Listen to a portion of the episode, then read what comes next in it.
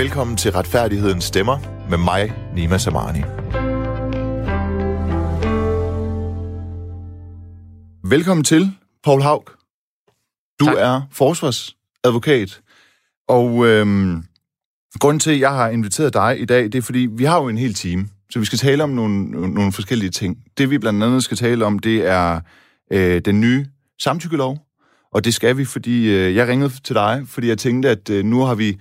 Altså, jeg har i, min, i mit andet program her i Retfærdighedens Stemmer, der talte jeg med Pernille Skipper en hel time om øh, samtykkeloven. Vi blev i hvert fald enige om, at den har en signalværdi, øh, men vi var ikke enige om, hvorvidt den juridisk virker, om den retssikkerhedsmæssigt gør en forskel. Det bryster øh, SF, Radikale Venstre, Enhedslisten, Socialdemokratiet, som er de partier, der har dannet flertal for den her lov. Det bryster de sig af, at den har en mm. retssikkerhedsmæssig virkning. Det skal vi tale om, og grund til, at øh, du er den, øh, kan være den rette til at tale om det, det er, fordi du har en del øh, voldtægtssager, øh, hvor du jo som sagt som forsvarsadvokat repræsenterer øh, den eventuelle gerningsmand, altså den tiltalte. Ikke? Vi skal også øh, tale om øh, nogle andre ting. Vi skal også tale om, øh, ja, da jeg talte med dig i telefonen for inden det her program, der sagde du, at øh, du gerne ville tale om, at der er en øh, form for øh, populisme, der på en eller anden måde påvirker, eller måske påvirker øh, retssager i Danmark, hvilket er et problem, fordi domstolene jo gerne skal være øh, uafhængige i deres vurderinger og deres domme. Og øh, så har du også et budskab, som jeg havde forstået det til den danske øh, dommerstand, men det er måske i virkeligheden til, til, til, til, til regeringen, at, at, at retssystemet er øh, overbelastet. Det er det også i forhold til bemanding i retssagerne, altså helt konkret i retssalene, hvilket gør, at øh, du mener, at dommerne ikke sådan helt har mulighed for at lytte ordentligt efter, når dine øh, klienter afgiver vidnerforklaring, mm. som jo skal, altså i bund og grund kan være afgørende for, om de kommer i fængsel, eller ikke, om de bliver frihedsberøvet. Så det er ret øh, alvorligt. Og til dig, kære lytter, så øh, lytter du til Retfærdighedens Stemmer her på Radio 4. Mit navn, det er øh, Nima Samani. Og det er et retsprogram, og lad os bare tage fat i forhold til øh, samtykkeloven, øh, Paul Haug. Du har, øh, du kan lige starte med at sige, hvilke type klienter øh, du har, altså hvad du har været forsvarsadvokat for, hvilke forbrydelser øh, du sådan til daglig går og øh, akser med, eller hvad man skal sige. Ja, om det er, det er alle typer straffesager. Så det er øh, lige fra økonomisk kriminalitet øh, over øh, vold, voldtægt, øh, drab, øh, terrorisme. Øh, altså det er, det er alle øh, typer straffesager, du overhovedet kommer i tanke om. Øh, og, øh, og ja, det fylder jo øh, kalenderen ud, og øh, så har jeg også en hel del øh, sager, som handler om entertainment law, hvor jeg hjælper filmproduktionsselskaber med at øh, gennemse råmaterialet, inden de øh, sender deres film ud til et større publikum, blandt andet med henblik på at se på, om øh, der er nogen, der eventuelt måtte kunne føle sig trådt over tæerne, øh, når filmen den bliver broadcastet, når den kommer ud. Så det, det er meget, min tid går med, men jeg vil sige, 90% af mine sager er jo, er jo straffesager.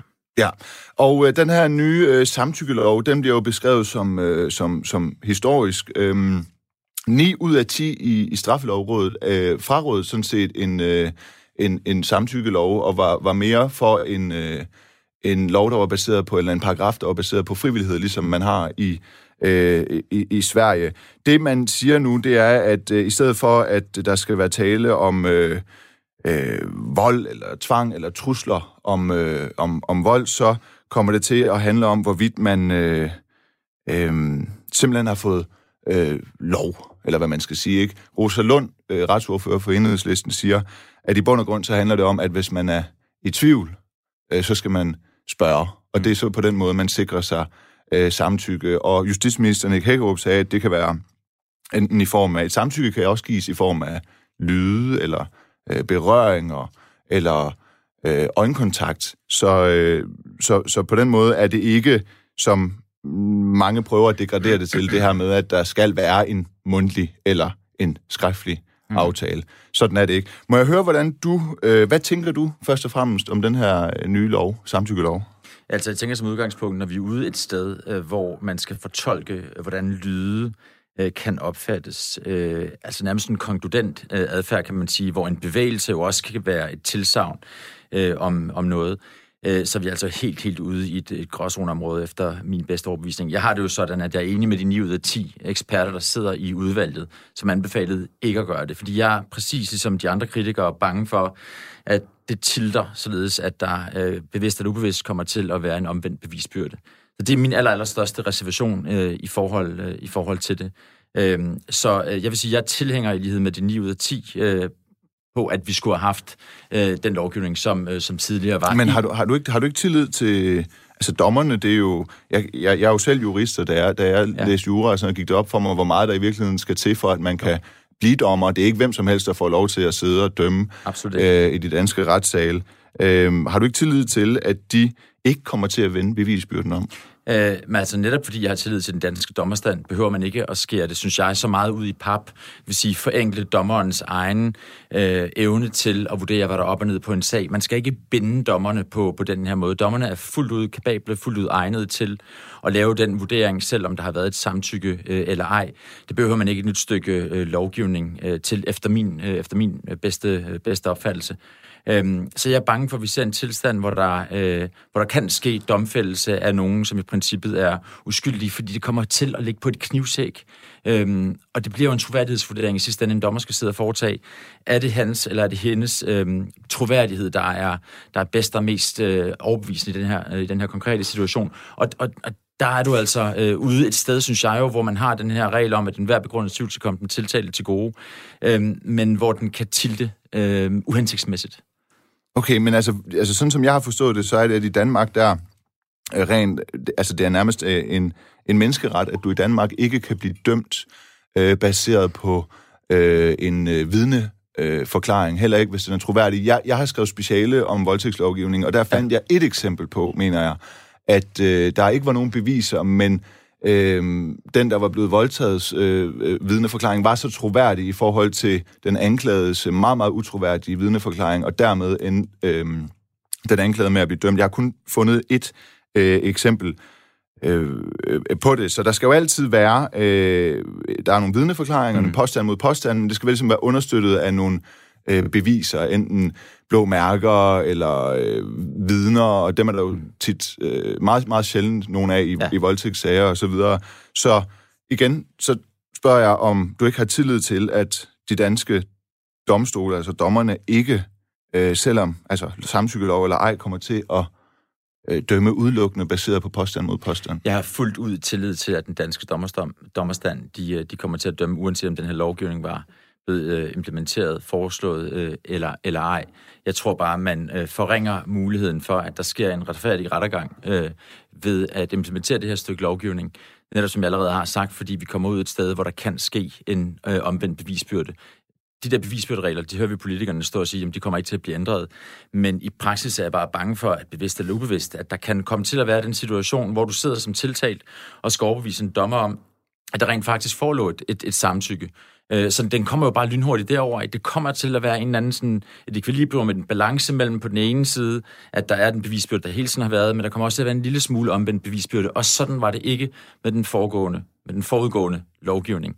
Så nej, uanset hvilken lovgivning, der bliver indført, er min tillid til den danske dommerstand fuldstændig intakt. Jeg tror bare, som jeg sagde før, at det kan være retssikkerhedsmæssigt betænkeligt øh, med den her omvendte bevisbyrde, og det tror jeg uundgåeligt, vi kommer til at, at, at se. Ja, langt de fleste voldtægtssager er jo dem, man kalder for kontaktvoldtægt, altså hvor de var involverede parter kender hinanden i forvejen, eller har mødt hinanden til en fest, Øh, der er tit en forudgående fløjt, og så ender de et sted alene, og så sker der nogle ting, hvor der så opstår en uenighed om, hvorvidt det skulle ske. Og så er der ikke nogen vidner, der er ikke noget, øh, der er ikke noget i turrev tøjblå mærker osv. Så, videre. så samtykkeloven sigter jo ligesom at ramme de her gråzone-tilfælde, ja.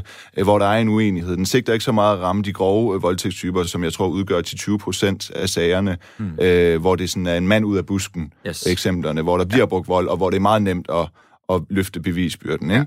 Du siger, at uh, du har haft voldtægtssager, ja. og du siger, at langt de fleste af dine voldtægtssager, det er uh, de her gråzone-tilfælde, eller hvad, hvor de kender hinanden i forvejen. Ja, altså man kan sige, hvor der ikke er, en, hvor der ikke er tale om en, en decideret grov voldtægt, hvor det ikke er manden ud af busken, som du kalder det, præcis ja. i henhold til den statistik, du lige nævnte før. Ja. Hvad er din sådan, rate hvad, øh, i forhold til at få øh, frikendt dine klienter i de her øh, kontakt voldtægtssager? Altså nu sidder jeg ikke og fører nogen statistik på, hvad, hvad min rette øh, er på det overhovedet. Jeg kan bare konstatere, at tit og ofte så sker der det, at der sker en påtaleopgivelse præcis i de her sager, øh, hvor den faktisk ikke når i retten, fordi politiet opgiver, øh, at, øh, det vil sige så assistent anklagemyndigheden opgiver og føre sagerne præcis på grund af, at det er en påstand mod påstand øh, situation. Så de bliver ikke syretestet sagerne, fordi man finder ud af, at det eneste bevis, der sådan set er, det er den forrettedes forklaring. Det er kvinden, eller øh, også nogle gange, i sjældent tilfælde, mandens forklaring, som så afgør, om den skal komme i retten. Og præcis som du også siger, Nima, så er det helt utroligt sjældent, det er i hvert fald ikke for, ofte forekommende, at der er andre beviser, fordi der er kun to til stede den her aften. Øh, så Øhm, ja, ej, der er, det, det er ganske ofte, vil jeg sige, at den ikke ender i retten, eller at øh, en dommer vurderer, der er ikke de til domfældelse øh, nødvendige beviser. Okay, men så siger du selv, at det er ganske ofte, at de ikke ender i, ja. øh, i retten, og politikerne har jo øh, indført den her lov nu, fordi de gerne vil have, at der er flere sager, der ender i retten. Der er simpelthen alt for stort gap i forhold til ja. domsfældelser eller sager, der ender i retten, kontra øh, politi-anmeldelser. Øh, så altså... Mm. Altså lige præcis på det punkt vil jeg faktisk øh, sige, der kan være en, en retssikkerhedsmæssig øh, fordel ved, at de ender i retten, fordi øh, i sidste ende, når det er anklageren, der sidder efter politiet har foretaget efterforskning og skal vurdere, om den skal i retten eller ej, øh, sådan, hvor anklageren sidder helt nøgtern og siger, okay, kommer en dommer virkelig til at, at dømme på det her, så kan man sige, hellere lade dommeren foretage en vurdering, end en anklager. En dommer er uddannet til det, derfor vi har dommer. Hvorfor skal en anklager allerede bremse den der? Så på den måde har anklageren jo i hvert fald indtil nu haft en kæmpe stor rådighed over sagsforløbet øh, og sagsmaterialet, kan man sige, i forhold til sk- sagens skæbne. Og den bliver så, kan man sige, nu forlænget til, at den lander på en formentlig en dommerspor, øh, hvor, der skal, øh, hvor den skal i retten. Og det vil jeg jo så sige alt andet lige, uanset om du er den ene eller den anden, om du er bistandsadvokat eller forsvarsadvokat, mm. så tror jeg, at vi har øh, en interesse i det alle sammen. Men har du, så, altså, har du helt konkret øh, et eksempel på en voldtægtssag, hvor du har været forsvarsadvokat, hvor din øh, klient er blevet frifundet, hvor du tænkte, at den her samtykkelov kom, at hvis den havde været der, da du førte den sag, så øh, ville din klient måske være blevet dømt? Jeg kan ikke komme i tanke om, om noget konkret eksempel på det. Det kan, det kan, jeg, det kan du nej, ikke? Det kan jeg faktisk ikke. Der er formentlig eksempler på det, men jeg kan vel ikke kunne sidde og sige helt specifikt øh, et konkret eksempel på det. Det vil være... Nej, det, det vil jeg ikke. Men, men kan du prøve at karakterisere nogle af de voldtægtssager, du, du, du, du har du har haft? Jamen altså, det er jo øh, præcis som, øh, som voldtægtssager jo er, altså at der er tale om øh, to personer, og de har forskellige opfattelser af, øh, hvad der blev øh, tilkendegivet den pågældende, den pågældende aften. Øhm, tit og ofte så forekommer det jo også, at de her voldtægtssager, de finder sted i en situation, hvor begge parter er påvirket af alkohol eller af euforiserende stoffer. Der kan være alle mulige andre forskellige omstændigheder til stede, som slører på en eller anden måde øhm, deres kommunikation. Øh, og også derfor kan det være helt utroligt vanskeligt at bevise, øhm, om der, hvad der er op og ned på, øh, på en sag. Så det er lige fra den type sager til, øh, hvor man så hører naboerne, har I hørt nogle skrig, har I hørt nogen, der laver nogle protester, øh, til den her kontaktvoldtægt, som du også snakker om, hvor det er manden øh, ud af busken, eller, øh, eller kvinden ud af busken. Øh, så så øh, der er jo helt klart øh, flere af de sager, hvor øh, der efterfølgende er en øh, følelse hos kvinden af, at det, der skete her, det var faktisk ikke det, øh, som jeg mente, der skulle ske. Nej. Men altså så, altså, så må du jo... Der er jo, der er jo, der er jo kritikere af den her samtykkelov, blandt andet mig selv, mm. siger jo, at øh, det, man kan ikke lovgive sig ud af det her. Øh, man, kan ikke, man kan ikke øh, ændre en ordlyd, og så på den måde skaffe flere beviser, fordi øh, øh, gerningen, den i sig selv er... Øh, altså, øh, voldtægtsparagrafen så vidt jeg ved, en af de eneste bestemmelser i, i straffeloven, hvor den naturlige udgangspunkt, altså sex, er lovligt, og så opstår der øh, noget ulovligt. Ikke? Ja. Altså ligesom, hvis jeg, hvis jeg for eksempel siger til dig, Paul Haug, øh, slå mig ihjel, mm. så har jeg givet dig samtykke til det, og du gør det, så vil det stadigvæk være ulovligt. Ikke? Det vil det. Øhm, men, men, og, og derfor så siger jeg, at det er en erklæring, at øh, voldtægts, øh, altså at voldtægt er den perfekte forbrydelse. Ja. ja. Man, kan, man, kan, man kan sige Som, på den måde, at, at i straffeloven, i straffelovens voldtægtsbestemmelse i stykke 2, der øh, tages der jo lige præcis højde for den her situation allerede, så man kan sige, for en dansk dommer vil man sagtens kunne fortolke samtykke øh, afvejningen ind i den her bestemmelse stykke 216 stykke 2 i straffeloven. Så på den måde synes jeg jo allerede, at man detaljregulerer, præcis som du også selv siger, vi har reguleret det område så tæt man overhovedet kan, og den her bestemmelse tager allerede højde for det, som det er i dag. Så jeg er fuldstændig enig i, man kan kun til en vis grad lovgive øh, om, om noget. Desværre vil der nu være nogen, der siger, men, men der er nogle årsager til det. Okay, så, så, så hvad, hvad, hvad, hvad, som forsøg, det er ikke, fordi du skal komme som, med løsningen nødvendigvis, men hvad tænker du, øh, øh sådan personlige jeg, hvad, hvad, hvad, hvad, hvad tænker det om løsningen på, på det her problem, der er med, med, med voldtægtssager, hvor man ikke kan løfte bevisbyrden. Ja, men altså der kan man sige, at vi har jo den, øh, den regel i Danmark, og som også er, er nedskrevet i flere øh, internationale retskilder, desværre i øvrigt, og det kan vi altid komme tilbage til, ikke i, i dansk, øh, dansk lovgivning, om at enhver begrundet tvivl skal komme den tiltale til gode. Så du kommer det ikke øh, nærmere. Øhm, og øhm, man, man kan ikke øh, opfinde et stykke lovgivning, der tager højde for øh, alle typer af forskellige øh, voldtægter. Du er nødt til at have et øh, fortolkningsrum for dommeren at gå ind i, øh, i forhold til den her sag. Og så den bestemmelse er der allerede. Øhm, og det er derfor, jeg startede med at sige, jeg tror, man snæver det her rum, hvor dommerne kan føle sig en lille smule øh, bundet. Jeg ved jeg godt, de ikke ved praksis vil føle sig, men teoretisk set kan man forestille sig en situation, hvor øhm, man skal helt dybt ind øh, og tage stilling til det her man bliver tvunget derind som dommer med det her nye stykke lovgivning. Og der mener jeg, at, at det var lovgivning, vi allerede havde på plads, som fint regulerede det her forhold. Okay. Har, har du nogensinde haft en, en, en voldtægtssag, hvor øh, du havde en fornemmelse af, eller en følelse af, eller var klar over, at din klient var skyldig, men anklagemyndigheden kunne ikke løfte øh, bevisbyrden? Aldrig. Er det noget, du siger, for det skal du sige til Nej, mig? det er det fordi jeg, jeg, havde jo jeg havde Nima Nabipur herinde, som også er forsvarsadvokat, og Mm. Britta Nielsens øh, advokat, Ja, og spurgte ham, om han nogensinde har fået frifundet nogen, som han vidste var skyldige. ja. Og det sagde han, at det havde han. Okay. Altså jeg vil sige det på den måde, at jeg har øh, endnu til gode at have en klient, der øh, fortæller mig forud for en retssag, at han eller hun er skyldig. Det er simpelthen ikke noget, vi får at vide. Det er noget, klienter fortæller os. Nej. Så det, det, det er klart tydeligt nej. Det er også derfor, jeg spurgte, om du havde en fornemmelse af, Ja. altså om du har haft en fornemmelse af, at der var nogen her, var de skyldige, men så kan man ikke kunne bevise det, fordi voldtægten er, altså, Men sagen er jo bare den, at øh, ingen ved jo, om de er skyldige, eller om de er uskyldige. Det gør anklageren ikke, det gør dommeren ikke, det gør øh, jeg heller ikke. Man kan have sine egne overvejelser, men det eneste, jeg jo fokuserer på, det er øh, at øh, få dem frifundet, eller øh, få dem til at få den mildest mulige, øh, mildest mulige straf. Så jeg har ikke, øh, jeg beskæftiger mig ikke så meget med fornemmelser. Jeg har sådan set mit fokus kun rettet et sted, og det er mod øh, min klients interesser. Øh, så det kan jeg heller ikke sige, at det, det har jeg haft øh, i den ene eller anden sag. Det, og det tror jeg heller ikke, det tror jeg, man skal passe på med at reflektere for meget over, fordi jeg tror også, at det kan på en eller anden måde afspejle sig din præstation øh, i retten, hvis du hele tiden går og overvejer det selv. Så, Ja, så, er det, så er det ikke forsvar, du skal være, så er det okay. mere anklager. Men de voldtægtssager, du har haft, er det... Oplever du også der, for nu, nu siger politikerne jo, altså, øh, der er for den her øh, samtykkelov, de siger jo, at jamen, samtykke kan gives via øh, kys, eller øh, lyde, eller øh, berøringer. Personligt så sidder jeg og tænker, jamen, øh, den anklagede kan jo sige, at hun stønnede, og det, det er jo typisk en mand, der voldtager en kvinde, derfor jeg siger sådan, den anklagede kan jo sige, at hun stønnede, og så kan, øh, og så kan, kan den forurettede så sige, jamen, øh, det var ikke støn, det var øh, dybe vejrtrækninger på grund af angst, eller hurtige vejrtrækninger på grund af angst, eller hvad, altså sådan, hvor meget i de sager, du har, går dommerne ind, hvor, hvor meget bæ- bærer de allerede præg af, at dommerne går ind og vurderer lyde, berøringer, øh, kys, fordi det, det, det er jo ligesom det, der skulle være det nye i det her, ikke? Jo. Altså det nye, der udgør et samtykke. Så, så Ja. hvor, hvor, meget er det allerede sådan? Jeg Hvis det overhovedet allerede er sådan. Ja, jeg synes faktisk, det allerede er sådan, at øh, tit og ofte så er det jo noget med at få syretestet for afprøvet troværdigheden bag den ene forklaring og bag den anden forklaring. Og for at få taget den helt øh, ud i ekstremiteten, så er du nødt til også at gå ind som dommer, og det er også danske dommer allerede gør, og gå ind og forholde sig til, men hvad var det for nogle signaler, der blev sendt? Hvordan blev de modtaget?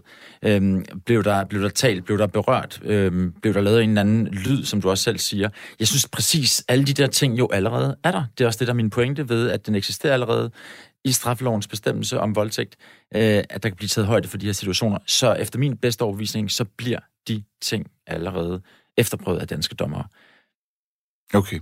Så du, voldtægts samtykkeloven, hvad, hvad, hvad overordnet? Hvad tænker du om, når man tænker du, at det, det, det, man, der, de her øh, lovgivere, de prøver at, at, at, gøre en forskel, de prøver at gøre retssikkerheden bedre for ofre, eller tænker du, det er Altså, der er ikke populisme? nogen tvivl om, at politikerne gør det med de aller, allerbedste intentioner. Tror du, de gør det? Ja, det tror jeg, de gør. Du tror ikke, de gør det for at fiske stemmer?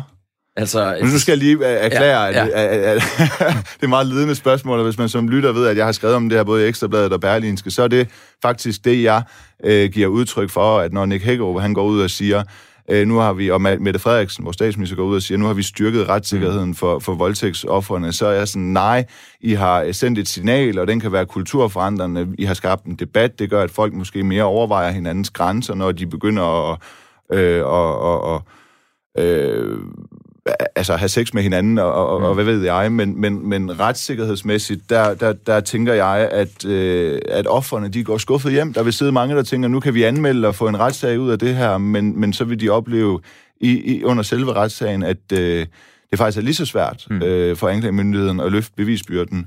Jeg tror, at man skal øh, virkelig huske på den her situation, at forhåbentlig så har politikere så meget integritet, at, øh, at de ikke er populistiske i sådan en situation. Øh, når jeg tror, at det er en besnærende tanke for dig, så er det sikkert også fordi, sådan objektivt sagt, at når der er 9 ud af 10 i et øh, lovvalg, man har øh, nedsat præcis for at komme med anbefalinger i forhold til det her meget, meget svære øh, spørgsmål, og så man vælger at lade de anbefalinger, man sidder dem overhørig, øh, hvad er det for nogle andre hensyn, så der trumfer, de anbefalinger, de udvalg er kommet med. Altså der, hvor jeg begynder at ryste lidt på hånden. Det gør mig altid sådan en lille smule usikker, og jeg bliver en lille smule sådan kritisk, øh, når jeg overvejer, og jeg ser politikere tilsidesætte øh, folk med absurd meget forstand på et emne, siger, det er fuldstændig lige meget, vi går den her vej. Ja. Så, er det, så er det, man bliver efter, at man føler af, præcis som du også allerede er, tror jeg, jamen, hvordan kan det så være, det gør det? Er det så, er det så populisme? Er det, fordi der er mange stemmer i det?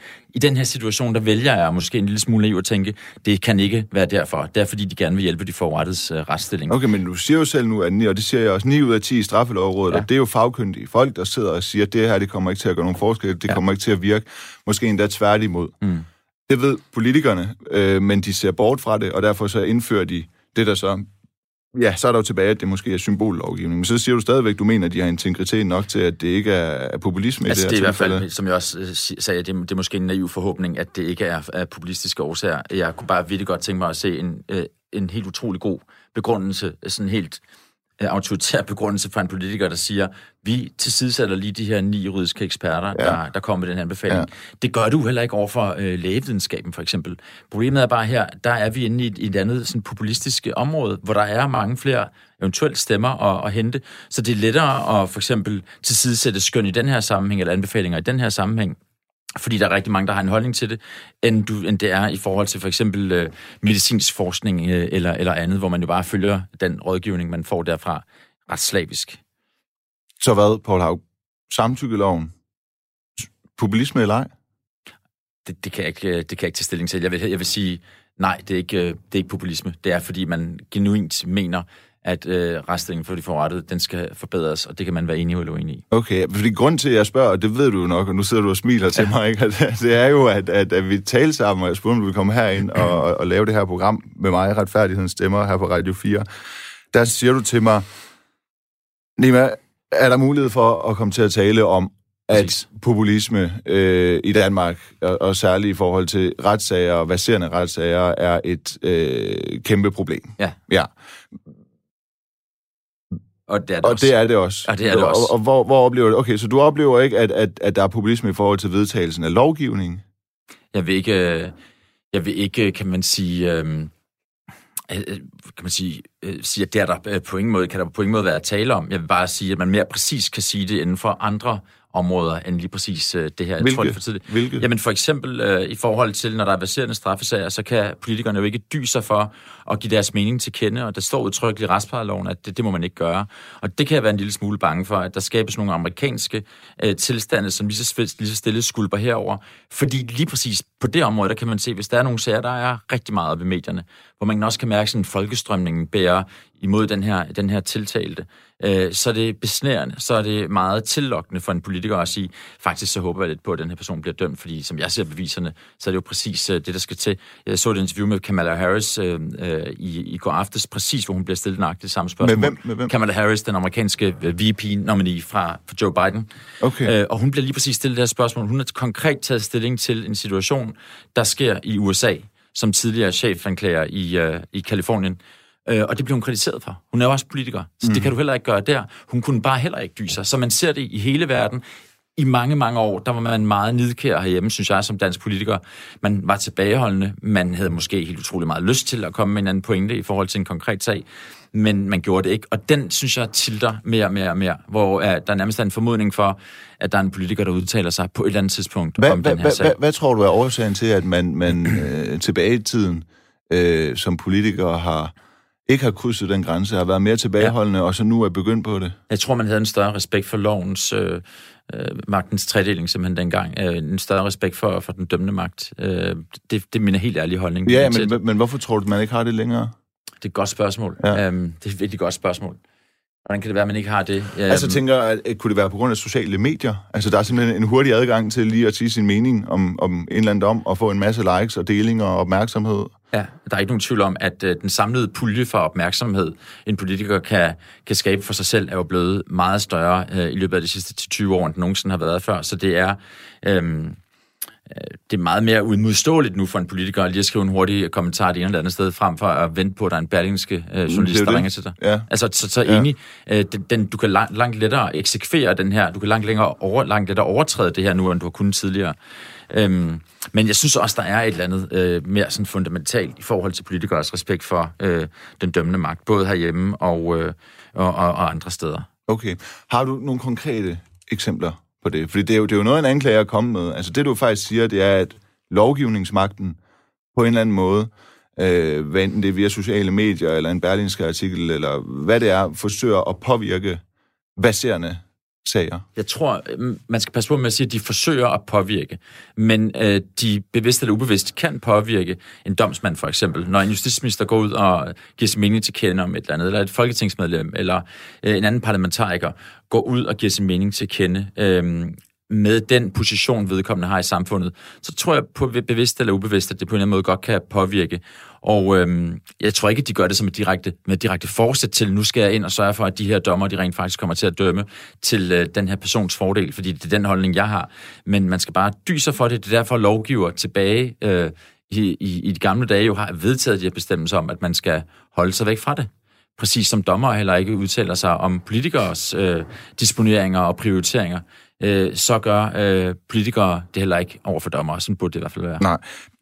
Definitionen af populisme, det mm. er øh, en bestræbelse på at vinde den brede, nu tager jeg bare ordbogens definition mm. af det, ikke? en bestræbelse på at vinde den brede befolknings gunst ved at forenkle øh, fremstillingen af vanskeligt forståelige forhold og samfundsforhold. Har du nogle konkrete eksempler på politikere og lovgivere, der ikke kan dyse for at forenkle fremstillingen af øh, vanskeligt forståede samfund, samfundsforhold. Ja, det synes jeg, man ser, øh, man ser tit og ofte. Øhm, for nylig har der også været den her sag på, på Bornholm, hvor der var flere politikere, i hvert fald en enkelt politiker, der var ude og udtale sig om motivet bag det drab, der fandt sted. Det vil jeg jo godt sige, det var Rosalund, du tænker på. Øh, hende har jeg også haft en hende har du også haft omkring en, okay. det her. Ja. ja.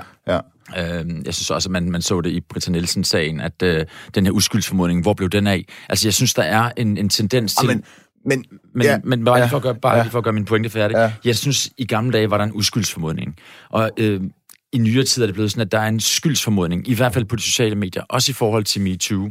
Jeg skrev på, artikel, øh, på et tidspunkt en artikel om lige præcis det her synspunkt med, altid husk nu, at der er en uskyldsformodning. Og, øh, og den synes jeg bare ikke er særlig gangbar længere. Øhm, hvor blev den af? Øh, og der synes jeg, at der skal man træde frem som politiker, lige at skyde brystet frem og hane op og så sige, vi skal bare lige huske på, det er dommerne, der dømmer, og indtil at det, de er dømt, den her person, indtil sagen er afsluttet ved landsret og eller højesteret. Og, og det vil jeg også til enhver tid agitere for, og, og, og vi to, altså som, som jurauddannet, ja. Dig som advokat, vi er jo måske lidt mere akademiske og, og teoretiske, og også omkring det her med, at øh, man altså er uskyldig indtil det modsatte er bevist. Men hvis vi nu er sådan helt realistiske, ikke, så, så den der uskyldsformodning, du efterspørger, og du, du, du nævner den i forbindelse med Britta Nielsen, mm. øh, hvor... Øh, jeg, jeg, jeg har jo heller ikke lyst til at sige det, men hvis man skal forstå den brede befolkning, altså, så, så var der jo ikke på noget tidspunkt i den sag særlig meget tvivl om, at, øh, at hun var skyldig. Det blev jo ligesom sort på hvidt konstateret, at der er nogle penge, øh, der er flyttet fra, fra øh, Socialministeriet til, til, til, til hende selv, mm. øh, og da det kommer frem, så er hun så øh, på flugt. Så det i virkeligheden handlede ligesom bare om at få fat i hende, og så få fremstillet hende for en dommer og få I, hende dømt. I, ho- I hovedsagen er det, er det meget langt hen ad vejen, sådan det var. Man kan sige, i øh, de underliggende sager mod hendes børn, der synes jeg dog, der var sådan en tendens til, at øh, der var flere, der lød skinne igennem, at øh, prøv at høre en gang her, øh, hvor, hvor øh, altså for dumme tror du lige, de børn er. Naturligvis har de måttet vide det. Det synes jeg, der var en hel del politikere, der var ude og sige, at der skal de bare dyse sig, holde sig tilbage, modstå den fristelse der til at udtale sig om mm. den sag. Og, og der er, Nima, øh, virkelig mange eksempler på det her. Øhm, hvor... men, men du har ikke no, har du været forsvarsadvokat i nogle sager, hvor, hvor du har set, at politikere har, har, har, har blandet sig, mens de stod på sagerne? Eller, men, ja. Ja, det har da øh, absolut været øh, flere gange, øh, helt, helt oplagt. Øhm, og, øh, og det er ubehageligt, fordi man sidder og tænker... Men, men hvilke sager? Nå, men der har jo været, der har været flere forskellige sager. Øh, der har også været øh, en jurysagen øh, her for nylig mod, øh, mod min klient, øh, Shirin Khan, hvor der også var flere andre politikere, der var ude til støtte for den ene og for den anden. Ja, den, den, den, den skal vi nok lige vende den, tilbage jamen, til. Det, det, er også men, bare, det er også bare et eksempel. Ja. Øhm, der har også været, jamen, der har været øh, jeg synes tit og ofte, man, man oplever det, at, at man sidder tilbage med en følelse af, at øh, der er kommet nogle røster frem, som egentlig ikke rigtig burde blande sig i den her situation. Men nu må du ikke altså, skuffe mig med tit og ofte. Mm. Konkret, nævn nogle sager, hvor du har set en lovgiver øh, være ude og blande sig. Øh, altså sager, som du har været øh, forsvar i altså Christiania-serien, synes jeg er nogle meget øh, gode eksempler på det. Ja. De store øh, hassager fra, fra Christiania, hvor øh, jeg synes, politikere efterhånden bare har fået sådan en carte blanche til at udtale som de her sager, når de kommer for. Øh, det er lidt min fornemmelse, når jeg repræsenterer klienter fra øh, Christiania, at de bliver behandlet lidt som russiske atleter, hvor du har en russisk atlet til olympiske lege, der bliver udtaget til doping, og så står øh, dopinglægen og siger, prøv at høre en gang her, hvor kommer du fra? Jeg kommer fra Rusland. Godt, men der er faktisk ikke nogen grund til, at vi tester dig, fordi du er fra Rusland, så du er sikkert dopet. Det er lidt det samme med øh, folk fra Christiania, at der er en skyldsformodning igen, for at komme tilbage til det, hos politikere, øh, og tit og ofte er det også min oplevelse, at det er der hos, øh, hos efterforskere i de her sager. Og præcis derfor, fordi det er så velintegreret i folks tænkning nu, så synes jeg, at politikere tit og ofte kommer øh, ud og siger et eller andet om de her konkrete sager. De forventer naturligvis, at det bliver dømt af en eller anden Så det synes jeg er et meget godt eksempel. Okay. Øhm, Ja tak. Kære lytter, du, øh, hvis du lige er kommet på, så kan jeg fortælle dig, at du lytter til øh, Retfærdighedens Stemmer her på Radio 4. Mit navn det er Nima Samani, og jeg skal lige skynde mig at sige, at øh, øh, programtitlen Retfærdighedens Stemmer ikke refererer til min stemme, men til min gæsters stemmer.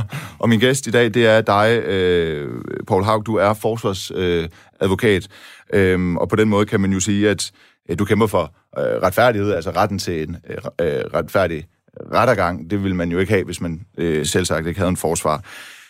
Det du nævner her med politikere, der forsøger at, at, at påvirke baserende øh, sager, hvor du nævner din klient øh, Shirin Kankan, som er Danmarks første og så vidt jeg ved eneste kvindelige øh, imam. Det drejer sig om øh, Nasser Carter og øh, Markus Knudt, der øh, mener var i Venstre dengang, er i konservativ nu, og så Martin øh, Henriksen fra Dansk Folkeparti, som... Øh, som I øh, førte sag imod øh, med anklagen om, at øh, de havde begået injurier mod din klient, øh, Shirin øh, Kankan. Øh, det drejede sig om, at hun har en organisation, der hedder Exit-cirklen, der øh, får øh, 680.000 kroner fra en øh, satspulje til at arbejde med æresrelaterede konflikter, og det mente øh, Nasser Carter ikke, at hun, skal, hun skulle have, hvorfor han sendte øh, en mail rundt til Markus Knudt og Martin Henriksen, øh, ja, hvor i der øh, stod, at Sherin Kankan i øh, 2011 har forsvaret piskeslagstraffen for øh, utroskab, hvilket hun så øh, nægtede. Det endte med, at øh, de blev øh, frifundet, øh, alle tre. Ikke? Ja. Er det korrekt? Og årsagen var? Ja, altså årsagen var for, øh, for to af dems vedkommende, at der var tale om en, øh, en afvisning af sagen, fordi de var beskyttet af deres parlamentariske øh, immunitet, fandt, øh, fandt landsretten. Og, øh, var det kun for to af dem? Øh, og, og for, for så vidt angår Nasser Carter, så, ja. øh, så, fandt han, så fandt landsretten, at han... Øh, der var dækning for de synspunkter, han havde om, øh, om Shirin. Øh, så det var, vi, det var et resultat, vi var uenige i, så klart. Øh, og, øh, øh, og den er nu blevet... Øh, øh, den er nu kommet til, til højesteret, hvor den skal behandles her. Til. Er den blevet optaget af højesteret? De, de mener den simpelthen, at den er principiel, eller hvad? Nej, men altså, der er jo, det er jo sådan, at oprindeligt så blev sagen jo anlagt ved Københavns Byret med påstand ja. om henvisning til landsretten. Og, øh, og det imødekom byretten, landsretten opretholdt henvisningen, og, øh, og så startede den landsretten som første instans. Og i sådan en sag som den her, som jo ikke øh, har fundet sted siden, jeg tror det er 1800-tallet, altså hvor man både skal tage stilling til en jury, men også den parlamentariske immunitet. Der er helt utrolig få sager om det her. Det er meget, meget spændende, det er jeg sikker på, at du er enig med mig i, også som jurist område og beskæftige sig med. Så fandt man så, at den var principiel også i landsretten, og derfor behandler man den i første instans med direkte mulighed for at bringe den okay. til højesteret. Okay. Så det er der, den kommer til. Ja øhm, og, og ende. Øh, formentlig i hvert fald. Vi mm. ved jo ikke, om man så øh, vil bringe Men den her parlamentariske immunitet, de gemmer sig bag, øh, hvor, hvor, hvor det så bliver afvist øh, simpelthen på grund af parlamentarisk immunitet. Det er jo en, øh, det er jo en grundlovs... Altså, det er jo... Øh, den parlamentariske immunitet, den er ligesom sikret via grundloven, jo. Mm. Så øh, er, er du uenig i den dom? Altså, øh, eller er vi ude i, at du synes, at grundloven skal ændres? Ja, altså, man kan sige det på den her måde. Det, den her sag kommer til at blive afgjort på, ja. øh, det er, om man finder, at de udtalelser, øh, som er fremsat i Folketinget, er blevet gentaget uden for Folketinget. Og det er den vurdering, øh, som øh, landsretten har truffet, at det mener de ikke, at de var. Fordi sagen er den, du kan sige sådan set, hvad du ønsker at sige i parlamentet, i Folketinget øh, og så kan du vedstå det bagefter, øh, men du kan ikke udbygge og underbygge det. Det er vores påstand, at det har de gjort. Landsretten var uenig, vi har taget til efterretning, taget den til højesteret. Øh, så jeg mener ikke behov for nogen øh, grundlovsændring decideret i forhold, øh, i forhold til det. Det er bare vores påstand, at de er genfremsat uden for Folketinget, og derfor ophæves den, mm. den parlamentariske immunitet. Okay, mener I? Det, det, det, præcis. Ja. Landsretten, de, de lægger vægt på, at øh, mailen den alene er sendt til og modtaget personer, der benytter e-mail-domænet ft. .dk, altså en folketingsmail, en mail, man kun kan have, hvis man sidder i Folketinget, og at den ikke var ment til udbredelse i den brede befolkning. Mm. Men er du, det er du uenig i? Eller nej, det er jeg ikke, det er jeg ikke, det er du ikke nej, det er jeg ikke uenig i. Overhovedet okay. ikke. Nej, okay. Den del af det er jeg fuldstændig okay, enig så, så skal jeg lige forstå, ja. det er nok mig, men jeg, så skal jeg lige forstå dig bedre. Ja. ja. Ja, altså så den her mail, der oprindeligt bliver fremsendt, ja. den var ikke ment til øh, at blive udbredt til en større forsamling. Fuldstændig øh, enig i det synspunkt. Det, der så sker efterfølgende, det er, at de her ytringer i mailen, de bliver fremsat efter vores opfattelse uden for Folketinget. Og der står det i grundloven, at øh, der ophæves den politiske, den parlamentariske immunitet. Øh, og jeg henviser alle mulige forskellige steder til litteraturen, hvor det også er antaget til praksis fra den europæiske menneskerettighedsdomstol, hvor der jo er sager, præcis identiske efter min opfattelse til den her, hvor der bliver sagt forskellige ting i parlamentet, hvor man så senere bliver spurgt ind til det af en journalist, ah, okay. og vedstår og udbygger det. Ja, men, øhm, men, men hvad, hvad skulle man ellers gøre? Altså, så, så det her det kommer til offentlighedens øh, kendskab. Mm.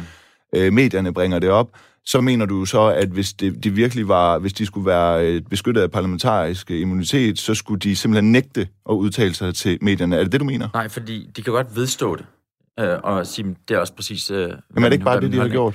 Det er, ikke, det er ikke min opfattelse, at det er bare det, de har gjort. Det er min opfattelse, at de har udbygget deres påstande fremsat i den mail oprindeligt. Øhm, og det er derfor, at øh, vi er uenige i, i det øh, resultat, som øh, man nåede frem til. Okay. Hvad med, hvad med øh, anklagen om, at Nasser Carter har begået en jurier mod Sherin Kangan? Han har jo øh, påstået, at hun øh, tidligere har øh, forsvaret øh, sharia, eller været tilhænger af, af, af, af sharia, og og jeg, jeg ved jo, der skal rimelig meget til for at blive dømt for injurier i praksis. Skal altså, der ikke det? På Matadors dage, øh, der, der skulle der øh, måske en, en, en del til. Øh, jeg synes nok, der er sket et, et skridt i det, pr- præcis også på grund af de sociale medier, øh, hvor alt den her, kan man sige, øh, injurietænkning er kommet, blevet løftet et niveau op. Øh, så jeg er ikke sikker på, hvor meget der skal, hvor meget der skal til. Øh, men, men altså en ting, hun har jo udtalt nogle radikale ting tidligere i forbindelse med islam og så videre. Det kan godt være, at hun ikke står ved dem længere. Men i og med, at hun engang har det, så er der jo vel grundlag for... Jo, men den præmis er jeg jo bare ikke enig i. Hvorfor ikke? Ja, fordi hun udtaler dem ikke som person, hun udtaler dem i forbindelse med, at hun er religionssociolog. Så det er ikke synspunkter, man kan tage øh, hende til indtægt for at have eller have haft, efter min opfattelse.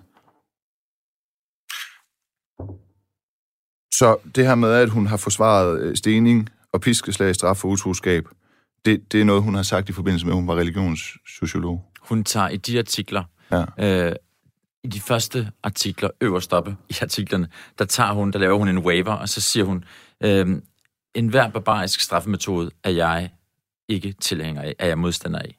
Øh, og derunder falder selvfølgelig sådan noget som stening, pisning og øh, alt, hvad du ligesom ellers skal komme i tanke om af barbariske men, men, men så er den jo klokkeklar, så lyder det jo som en kæmpe fordese af landsretten. Øhm, Ja, det vil jeg ikke, det vil jeg ikke udtale mig om i, fordi, i respekt det, fordi for. den er baserende. I, i respekt for ja, jeg vil ikke, jeg vil ikke procedere sagen, øh, men jeg vil her i, i radioen nej, bare nej, gerne forklare, hvad der er op og ned, og ja, hvad vores synspunkt Ja, klart nok, klart nok, ja. Men jeg skal jo også være en lille smule kritisk, og jeg skal jo også stille mig på den anden side, ellers yes. så bliver det jo ret kedeligt det program. Det absolut ja. der er gået ret lang tid. Der er faktisk kun et uh, kvarter tilbage. Er det rigtigt? Ja, det ja. er rigtigt, og... Øhm, Hvornår er den dateret til, bare lige for at slutte, hvornår skal den i gang jeg tror ikke, det er afgjort, jeg, jeg mener ikke, det er afgjort endnu. Okay, ja. okay. Lad os bruge det sidste kvarter på at tale om, at øh, du har som forsvarsadvokat, fortalte du mig, et problem med, at øh, dommerne ikke lytter, eller ikke har mulighed for at lytte, mm. når de, dine anklagede klienter, de afgiver vidneforklaring. Mm. Altså, det handler simpelthen om, at øh, dine klienter, selvfølgelig det er jo dem, der er anklaget, så deres vidneforklaringer er jo, hvis de vælger at sige noget, er jo mm. meget, meget vigtige. Det er jo dem, der kan afgøre, om de skal i fængsel, frihedsberøves eller ej. Det, det afgør deres skæbne, potentielt resten af deres liv, ja. på alle mulige parametre. Og der har du altså et, et indtryk af, at dommerne, de ikke at det, dine, dine klienter siger som anklaget, det, det går ind af dommerens ene øre og ryger ud af det andet, eller hvad? Nej, det er ikke det, de siger på ingen måde, men sagen er jo den, at øh, hele øh, dommerstanden er så øh, knappe på ressourcer og har været det gennem flere år, fordi man retspolitisk ikke har prioriteret domstolen i fornødent omfang. Og, øh, og det gør jo bare, at en dommer i dag må sidde og være protokolfører, retssekretær osv., og sidde og notere til retsbogen, hvad der sker i retsmødet. Tidligere var det jo på den måde, at de tilstedeværende i retslokalet havde dommerens fulde opmærksomhed, og det er ikke længere muligt for selv den bedste dommer, du kan komme i tanke om, at det ikke er muligt at være en blæksprutte og lave alle de forskellige ting på samme tidspunkt, og så samtidig øh, mens du sidder og skriver og øh, protokollerer og skriver træsbøger osv., så, så have fuld kontakt med det pågældende vidne, der inden afgiver forklaring, den forrettede eller den tiltalte. Så ud fra sådan et appearance-synspunkt, så ja, så kan du godt øh, have situationer, hvor du som forsvarsadvokat eller som bistandsadvokat er efterladt med et indtryk af, blev, var dommeren egentlig 100% i stand til at lytte til, hvad jeg sagde, fordi dommeren havde gang i så mange andre ting. Og det er jo også det, retspræsidenten for Aarhus blandt andet ude at sige. Det er det dommerstanden selv er ude at sige. Det virker på mig helt utroligt underligt, at man gerne vil have en velfærdsstat, som statsministeren også siger i sin åbningstale, det her med de her kernevelfærdsydelser, men man ønsker ikke at opprioritere dommerstanden. Der sidder jeg tilbage sådan helt renon på, hvordan kan det dog være? Øh, fordi jeg mener nærmest lige frem, at det vil være et populistisk, klogt træk. Der er rigtig mange mennesker, der er i kontakt med retssystemet i Danmark. Jamen, så må du simpelthen også put your mouth where your money is, og så gøre noget ved den her øh, problematik. Så øh, dommerne øh, har øh, ikke på samme måde som tidligere kapacitet til at være så nærværende, opleve, øh, opleve at være så nærværende, som de tidligere har haft. Men, og det er egentlig alene et, et finanspolitisk spørgsmål, at det er kommet dertil. Og hvornår er det kommet der? Altså, er der, er der, kan, du, kan du konkret slå ned på, at øh, fra et bestemt årstal i, i, i finansloven, der bliver der ikke sat tilstrækkelige midler af til, at øh, ja. der er nok bemand. Det kan ja, du? Jamen, det, det, det er muligt jo. Man kan jo kigge tilbage på de forskellige øh, finanslov, og så se tilbage på for eksempel øh, bevillingen til, øh, til dommerne øh, for måske 15 eller, eller 20 år siden. Så kan du øh, lave en graf der, hvor du kan se, hvordan det går nedad. Jeg mener, uden at kunne huske det helt nøjagtigt, det er mellem 15 og 20 procent, at øh, domstolen er blevet beskåret over de seneste 15 års, øh, 15 års tid på samme tid, så er anklagemyndigheden jo også blevet beskåret. Øhm, politiet er til gengæld vokset, og sådan skal det også være. Der er bare ikke blevet ført igennem. Det vil sige, når du har en stor politistyrke, som opgør kriminalitet, så kommer den til anklagemyndigheden og sidste domstolen. Så det er sådan et goddag med en økseskaft, at man ikke sørger for at kunne føre de her sager til enden. Øhm, så det skaber virkelig forringede arbejdsvilkår øh, for, for dommere, og også for anklagere, øhm, og det skal der gøres noget ved. Men, men, men altså, øh, øh antallet af dommere der sidder i retssagerne. Lad os sige, at du er forsvarsadvokat i en uh, drabsag. Det er jo, det er jo, der er det jo meget vigtigt. Der er det jo der, der er det også i alle mulige andre ja. straffesager. Men der er straffen enorm, den er hård, den er lang. Så, så der må man jo sige, at det er vigtigt, at dommerne kan følge med og høre, hvad der bliver sagt, og egentlig også, altså sådan, fordi jeg tænker, der bliver jo noteret, hvad der bliver sagt, mm. men det du efterspørger hvad, det er, at, at de også ligesom har øjenkontakt med, de, med, de, med, din, med, din, øh, med dine klienter, eller øh, får det retoriske med, altså hvad, hvad er det, fordi alt, hvad der bliver sagt, det bliver vel en Men til nu, en ordret transkriberet, ja. og så kan de vel altid kigge på det. Vi kan jo, vi kan jo slå en meget, vi kan jo slå en meget god krølle på, på det, vi startede med at snakke om i dag, nemlig samtalelovgivningen øhm, samtykke-lovgivningen ja, ja. snarere, hvor, hvor du har en situation, hvor du har en påstand mod påstand, og hvor du skal ud på det her knivsæk og vurdere, okay, øhm, var det et, et signal, der blev afsendt, modtaget, var det et, et, et, en lyd, var det en berøring, øh, og hele den gestik, den mimik, øh, du har i retten på det tidspunkt, er med til at fortælle, om du er troværdig. Og ja. der skal du have dommerens fulde opmærksomhed. Og det er jo ikke dommernes skyld, men tidligere var det jo sådan, at der sad en protokolfører og førte til rets på, alt det blev sagt det er tit ofte sådan nu, at det er dommerne selv, skal gøre det, og mange dommere kan godt gøre det. Det er bare ikke alle, der har mulighed for det. Så på den måde er det jo en ærgerlig situation, hvis vi er et sted, hvor det er bitte, bitte små ting, der afgør, om sagen skal falde ud til den ene eller den anden side, at du så ikke har, øh, at du så ikke har mulighed for rent faktisk at sidde og vurdere troværdigheden ved at kigge den person i øjnene. Se om der er det der, det kan huske, vi lærte, da jeg studerede statskundskab, de der bitte små ting, er der en trækning, hvor kigger du hen? Alle de der små ting i forening er jo med til at give dig et mere oplyst grundlag som dommer. Og der skal du altså gerne kunne kigge ud i retslokalet og ikke lave alle mulige andre ting. Øhm, det er det, du har blandt andet protokolfører til. Så det synes jeg er retssikkerhedsmæssigt Hvad siger du, da, da, da ret, ja, retssikkerhedsmæssigt ja, bekymrende. Hvad ja. siger du, da du studerede statskundskab? Jeg, jeg har en master i statskundskab fra Australien, ja. Og, men du har også en... Øh, altså, du er også jurist? Ja, ja, det er okay. Jeg skal ikke blive advokat. Hold da kæft. Ja. Øh, nej, nej, nej, det er klart, det er et dumt spørgsmål. Men jeg kommer ikke? til at du har to uddannelser. Ja, ja, okay. Jeg kommer men, til at tænke på det der med, hvordan du ligesom afslører, eller du kan se... Øhm, øh, om folk de lyver, eller om de taler sandt. Og det er sådan forholdsvis enkle metoder, du kan, du kan bruge til at finde ud af, om de gør det, eller de gør det. Øhm, og øh, det er klart, at... Men, men, men, men en protokolfører, ja, det var også sådan, jeg forestillede mig, at det var nu er det nogle år siden, jeg har overvejet en retssag. Øh, men men en, en, sådan som jeg har oplevet med, er jo, at der sidder øh, eksempelvis tre dommere, mm. og så sidder der lidt ud til siden, en protokolfører, som ligesom noterer det hele, ja. og så kan dommerne have fuld fokus på det, der, bliver, det, der sker, og det, der bliver sagt. Domsmandsager, ja. Er det, er det ene og alene på grund af besparelser, der ikke er en protokolfører mere? Det er min opfattelse, ja. Okay. Så sekretærfunktioner, protokolførerfunktioner osv. Men, men hvad, får blevet... de, hvad får de i løn? Altså, det, det, det, ved, det ved jeg ikke, hvad de Nej, får men det er, jo, i, det, i det er jo ingenting i forhold til, hvad... hvad altså, Nej, Dommerne, nej. Nej, altså enig at det, det, det, er det, det er det formentlig ikke, men, øh, men det, det gør helt utroligt. Den funktion, de udøver, øh, er en meget, meget væsentlig funktion. De sørger for, at det, der bliver sagt, det bliver noteret præcis. Men er det måske ikke derfor, at man har givet rollen over til dommerne, i stedet for, at det handler om besparelser? Fordi det, altså, det, det en, en, en dommer er bedre til at, at føre protokol, end en eller anden sekretær er. Nej, dommeren øh, noterer jo tit og ofte til protokolføren, hvad der er, der skal stå, ja. øh, og laver sine egne noter og ja. gennemlæser protokolførens udkast til retsbøger. Ja. Så øh, nej, det er ene og alene på grund af, øh, af besparelser. Okay, men er det, er det sådan, at du kommer ud fra en retssag med din klient, og så har klienten været fornærmet eller pisse over, at han eller hun ikke har følt, at dommerne lyttede efter, eller havde øjenkontakt med det er ham? Absolut, eller hvad? Det er absolut sket, at, øh, det er absolut sket, at både, øh, både en, en, en tiltalt, en, en klient, øh, eller en forurettet er kommet ud og været efterladt med et synspunkt om, blev jeg blev egentlig hørt, øh, blev du hørt det, jeg fortalte om i den her, i den her situation. Så også ud fra sådan et appearance-synspunkt, vil det være en rigtig, rigtig god investering at lave som, øh, for regeringen, øh, og, øh, og booste, øh, booste domstolene. Ja. Tænk engang, altså det, øh, det, det må jeg jo simpelthen få undersøgt nærmere, hvad, hvad der er årsagen til det. Det lyder virkelig, virkelig, øh, virkelig, virkelig amatøragtigt.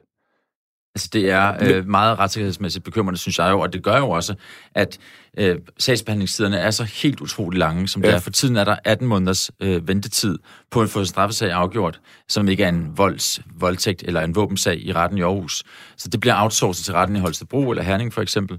Og øh, ja, det, øh, det er meget problematisk, fordi der er for mange menneskers vedkommende, kan de ikke komme videre i deres liv, før de har en afklaring på deres situation. Nej. Altså på den måde er det jo meget skæbnebestemmende for dem, hvordan en straffesag ender, også selvom den måske ikke er særlig alvorligt. Du får en plet på din straffesag, eller gør du ikke? Hvordan skal du forholde dig i forhold til dine omgivelser, familie, arbejdsgiver osv.?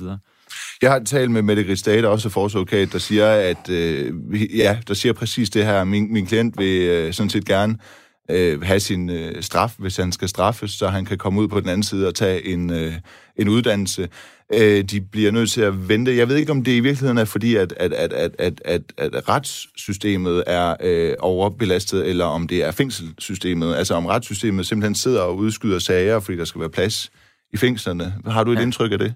Jeg tror først og fremmest, det er fordi, anklagemyndigheden er så presset, og domstolene er så presset, som de er. Men det er jo også velkendt, at der er et kæmpestort kapacitetsproblem i de danske fængsler. Så det hele hænger jo sammen. Hele retssystemet, hele den søjle øh, er i knæ. Øh, og det skal der gøre noget ved øh, meget, meget hurtigt. Ja.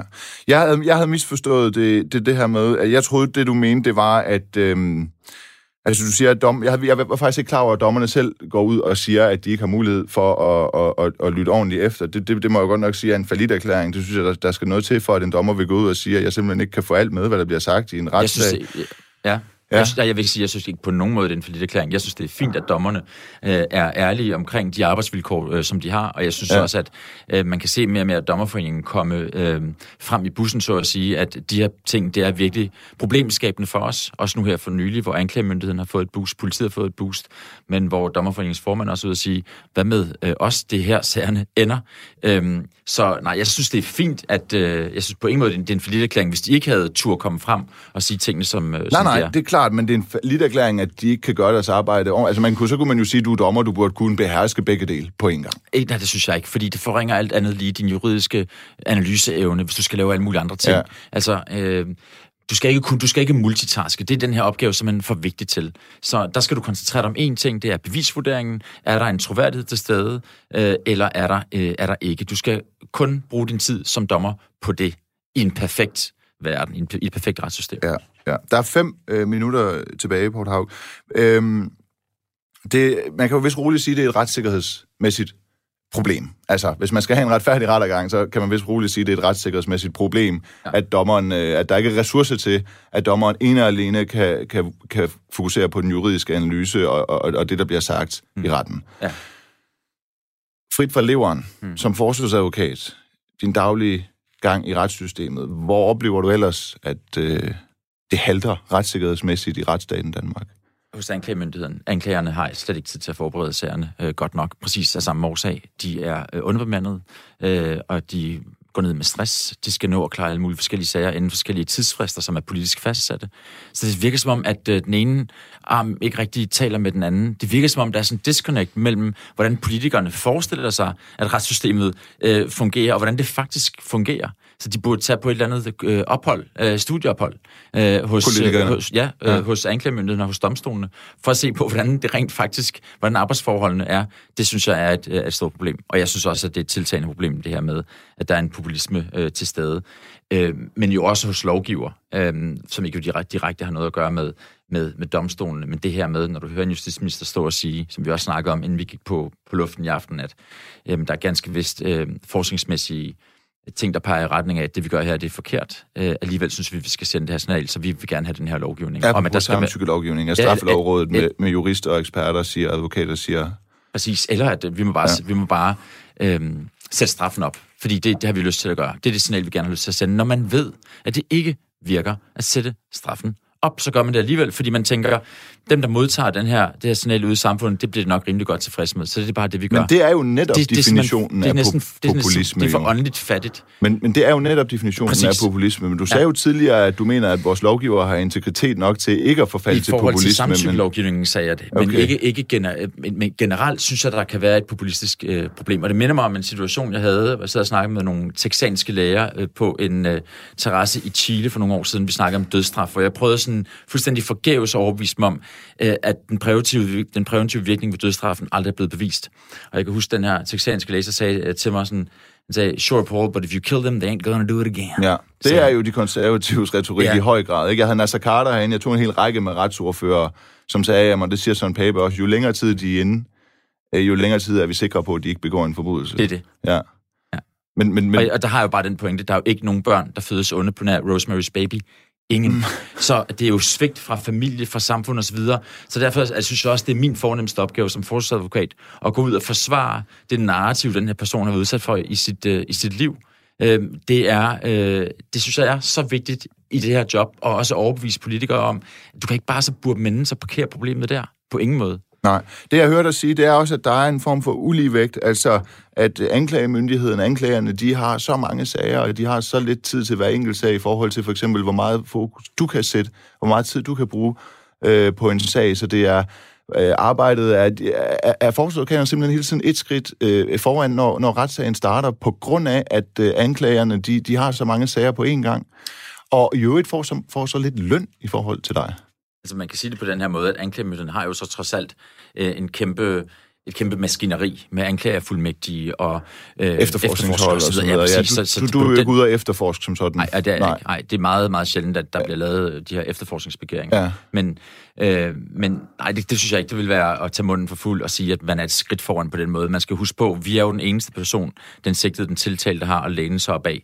Mod os er der et kæmpestort system af anklager og politifolk osv. Så, videre. så nej, der er equality i varmen, som der skal Men være. hvorfor siger du så, at retssikkerhedsmæssigt, der, der, der halter det hos anklagemyndigheden? Er det, og, og, og, og siger samtidig, at det er fordi, de er overbebyrdet har alt for mange sager per jeg synes, anklager? Jeg synes tit ofte, det kommer til udtryk i den måde, anklageskrifterne er udformet på.